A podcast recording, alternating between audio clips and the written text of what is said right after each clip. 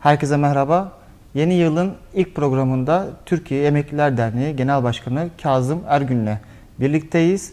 Biliyorsunuz TÜİK e, enflasyonu %36.08 olarak e, açıkladı ve e, emeklilere ayrıca bir zam verilmeyerek %25,5 oranında bir enflasyon artışı yapıldı. Bu milyonlarca emekçiyi bu alım gücünün düştüğü, geçim sıkıntısının çoğaldığı ortamda adeta isyan ettirdi.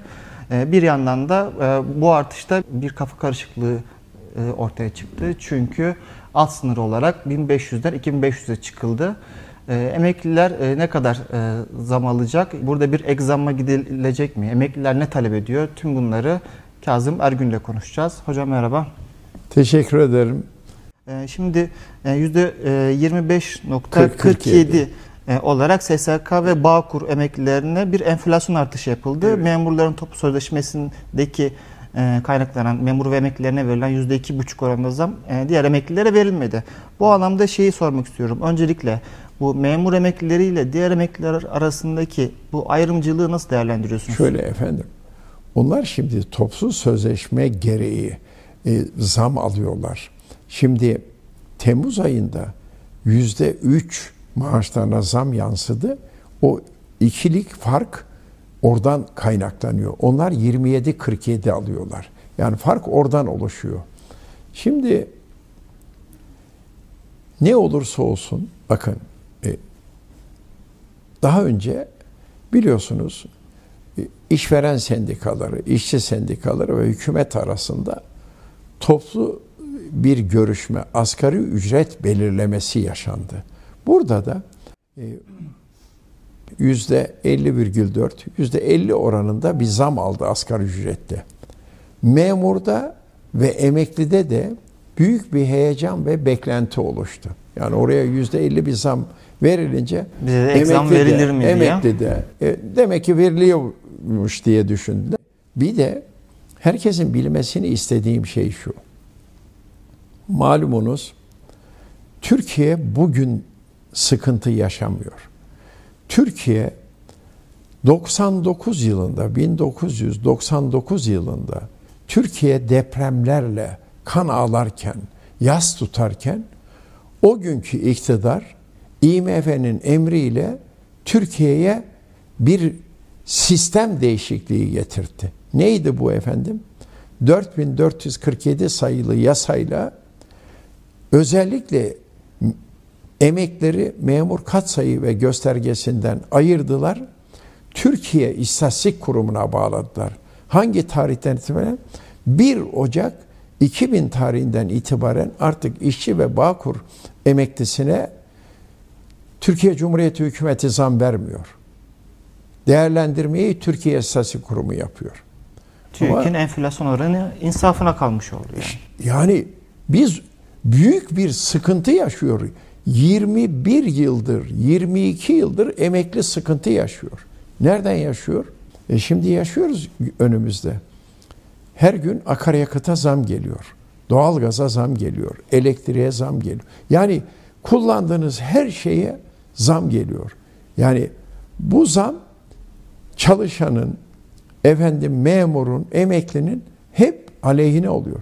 Daha memur, emekli, işçi cebine parayı almadan parayı elinden kaçırmış oluyor. Yani onun için Türkiye'nin bir istikrara e, girmesi lazım. Yoksa 3 ay sonra bu aldığımız paralar da ekonomik gücünü yitir, yitirecek ve sıkıntı daha fazla büyüyecek.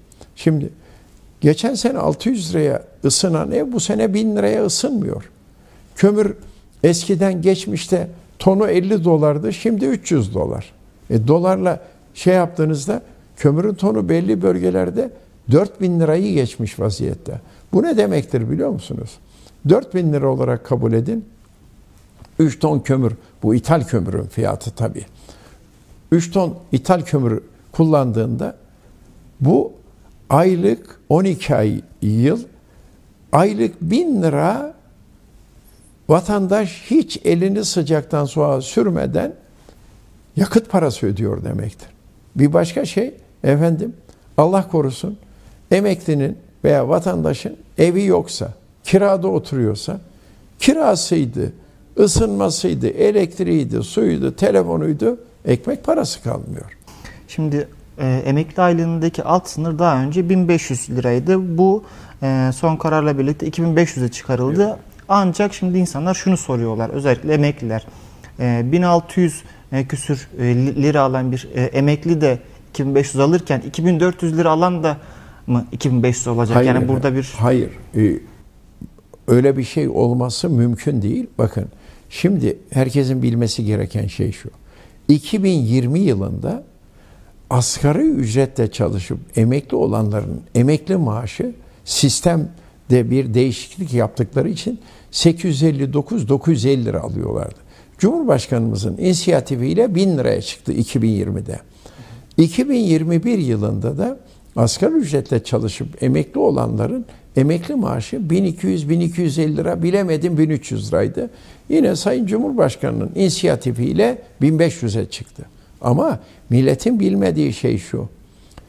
Bu emekliler 6 ayda bir e, yasa gereği 6 aylık enflasyon toplamı olan zamlardan bir kuruş almıyorlardı. Şimdi bu dönemde de efendim şöyle bir işlem ortaya çıktı.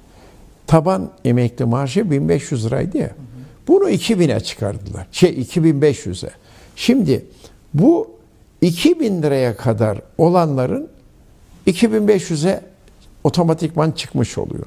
Ama şimdi o 2000 lira maaşı olan esas da 2000 lira değil maaşı.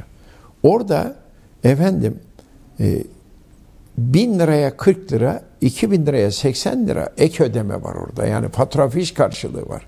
Şimdi 2000 liranın üzerinde maaş alanların bu sisteme girmemesi lazım. Yani 2500 lira- diyelim ki 2300 lira maaşı var. Oradan fatura fiş karşılığını düşeceksin. Çıkan parayı 25,47 ile işçi ve bağkur emeklisinde. Zaten memurlarda böyle bir şey yok. 2500 de geçer aynı zamanda. Ge- Yani bu. tabii tabii en az o para 2700 2750 lira olur. Yani böyle bir e, bana göre engel yok.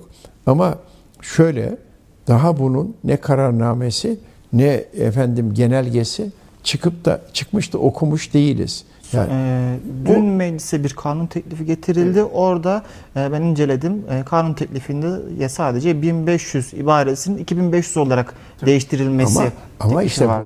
2200 lira maaşı olan bir emekliyi 2500 yapamazsın. Mahkemeye gitse davayı kazanır. Nedeni şu. Zaten 2000 lira olsa 25,47'den 500 lira alıyor. 2500 otomatikman elde etmiş oluyor. Orada bak ince bir ayrıntı var. 2200 lira diyelim ki maaşı. Bu 2200'ü bir örnek veriyorum. Zaten 4 ile çarparsanız 40 e, efendim 2 2 2 kere 4 8 48 lira şey var bunda. E, e, efendim, Ek ödeme. şey 88 pardon 88 lira şey var. Ek ödeme var. Şimdi 2200'den 88'e düşersen ne yapar? 2112 lira kişinin maaşı var demek. 2112'yi 25,47 ile çarpacaksın. Bir para bulacaksın. Onu 2112'nin üstüne toplayacaksın. Peşinden de yüzde dördünü bulup o parayı da toplayacaksın. Topladığında hesap çok kolay. Bunun maaşı en az 2700 liranın 2750 liranın üzerine çıkar. Evet. Ee, diğer sorum da şu. Geçtiğimiz günlerde e, Bakan Vedat Bilgin'le bir görüşmeniz oldu. Yaptık. E, bu e, enflasyon artışı olmadan önce, yılbaşından önceydi. Evet. Orada taleplerinizi ilettiğinizde Bakan Bey ne dedi? Ya bakan bir şöyle dedi ki şimdi herkes elini vicdanına koysun, empati yapsın. Bakın bu sistem Türkiye'ye geldiğinden bu yana sistem fakiri daha fakir, zengini daha zengin yapıyor. Kimsenin aldığında gözümüz yok. Ama emekler biz aynı fırına gidiyoruz. Aynı pazara, aynı çarşıya. Ya Kurban bayramından kurban bayramına evine et giren emekli var. O da e, biri kurban kesiyor veriyor. Şimdi nedeni şu bakın. Bir örnek veriyorum. 2000 lira emekli maaşı olan insana %10 zam verirseniz 200 lira alır. 10 bin lira emekli maaşı olan insana yüzde on zam verirseniz bin lira alır. Sistem otomatikman birininki 2200 lira olur, öbürkününki 11 bin lira olur maaşı. Yani sistem, kurgu hep güçlüğü koruyor. Alttakinin sıkıntısı büyük oluyor. Biz bu durumu gerek basın medya yoluyla gerekse görüştüğümüz her kesimle, siyasi partilerle, efendim e, aklınıza neresi geliyorsa görüştüğümüzde dedi ki emekliye insan onuruna yakışacak, emekliyi huzurlu kılacak, mutlu kılacak bir şey verilsin. Yani bir e, seyyanen bir zam verilsin dedik. Ondan sonra ne verilecekse verilsin. E, şimdi e, e, bu evet e, belki insanlar eleştiriyor. E, ben de e, talebimizi aylarca konuştuğumuz için söyledim. E, talepte bulunduk. Yani bizim emeklinin hayatını düzeltmek zorundasınız. Nedenini söyleyeyim. Eskiden bir ülkenin kalkınmışlığı fert başına düşen milli geliri nedir? Dolar üzerinden kaç dolar veya euro? Bir başka şey, fert başına tükettiğiniz enerji miktarı, besin maddesi, temizlik maddesi, hatta diş fırçası, diş macunu. Yani bir ülkenin gelişmişliği ve kalkınmışlığı böyle anlatılıyordu. Şimdi çağdaş ülkelerde artık hesap değişti. Eğer bir ülkenin emeklisi yüzü gülüyorsa, kıyafeti düzgünse, sağlıklı besleniyorsa, sağlıklı beslenemeyen toplumlar ister işçi, ister memur, ister emekli hastalığa davetiye çıkarır. Yani siz e, dünyadaki ihtiyaçlarını giderecek, e, e, e, sizi insanca yaşatacak bir geliriniz olması lazım. Şimdi çağdaş ülkelerde artık gösterge emeklisi mutlu mu, kıyafeti düzgün mü, yüzü gülüyor mu, sağlıklı beslenebiliyor mu? İşte o ülke ileriyi yakalamış, çağdaş bir ülkedir. Ben Türkiye'nin de tabii problemlerini bitirmiş, gençliğine, işsizine iş bulmuş, emeklisinin, memurun, esnafının ve bir de e, bu bir zincirdir birbirine bağlı. Buradan buradan son soruya geçersek, e, Türkiye'de emeklilerin insan onuruna yakışır bir e, şekilde yaşayabilmesi, geçinebilmesi için ne kadar emekli aylığı alması lazım en az? Rakamlar sürekli oynadığı için e, bugün Türkiye'nin açlık sınırı belli, yoksulluk sınırı belli. Asıl yapılması gereken şudur.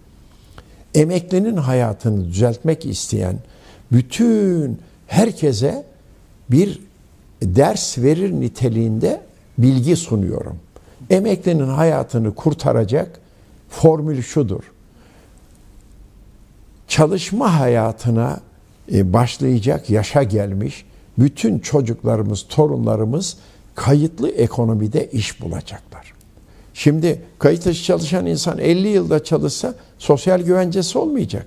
Emekli maaşı olmayacaktır. Peki bugünün e, bugünün şartları açısından değerlendirirsek tabii ki enflasyon değişiyor sürekli e, birçok şey zamlar geliyor ama yani bugün açısından 2022 yılında e, emekli zam mı ne olmalıydı?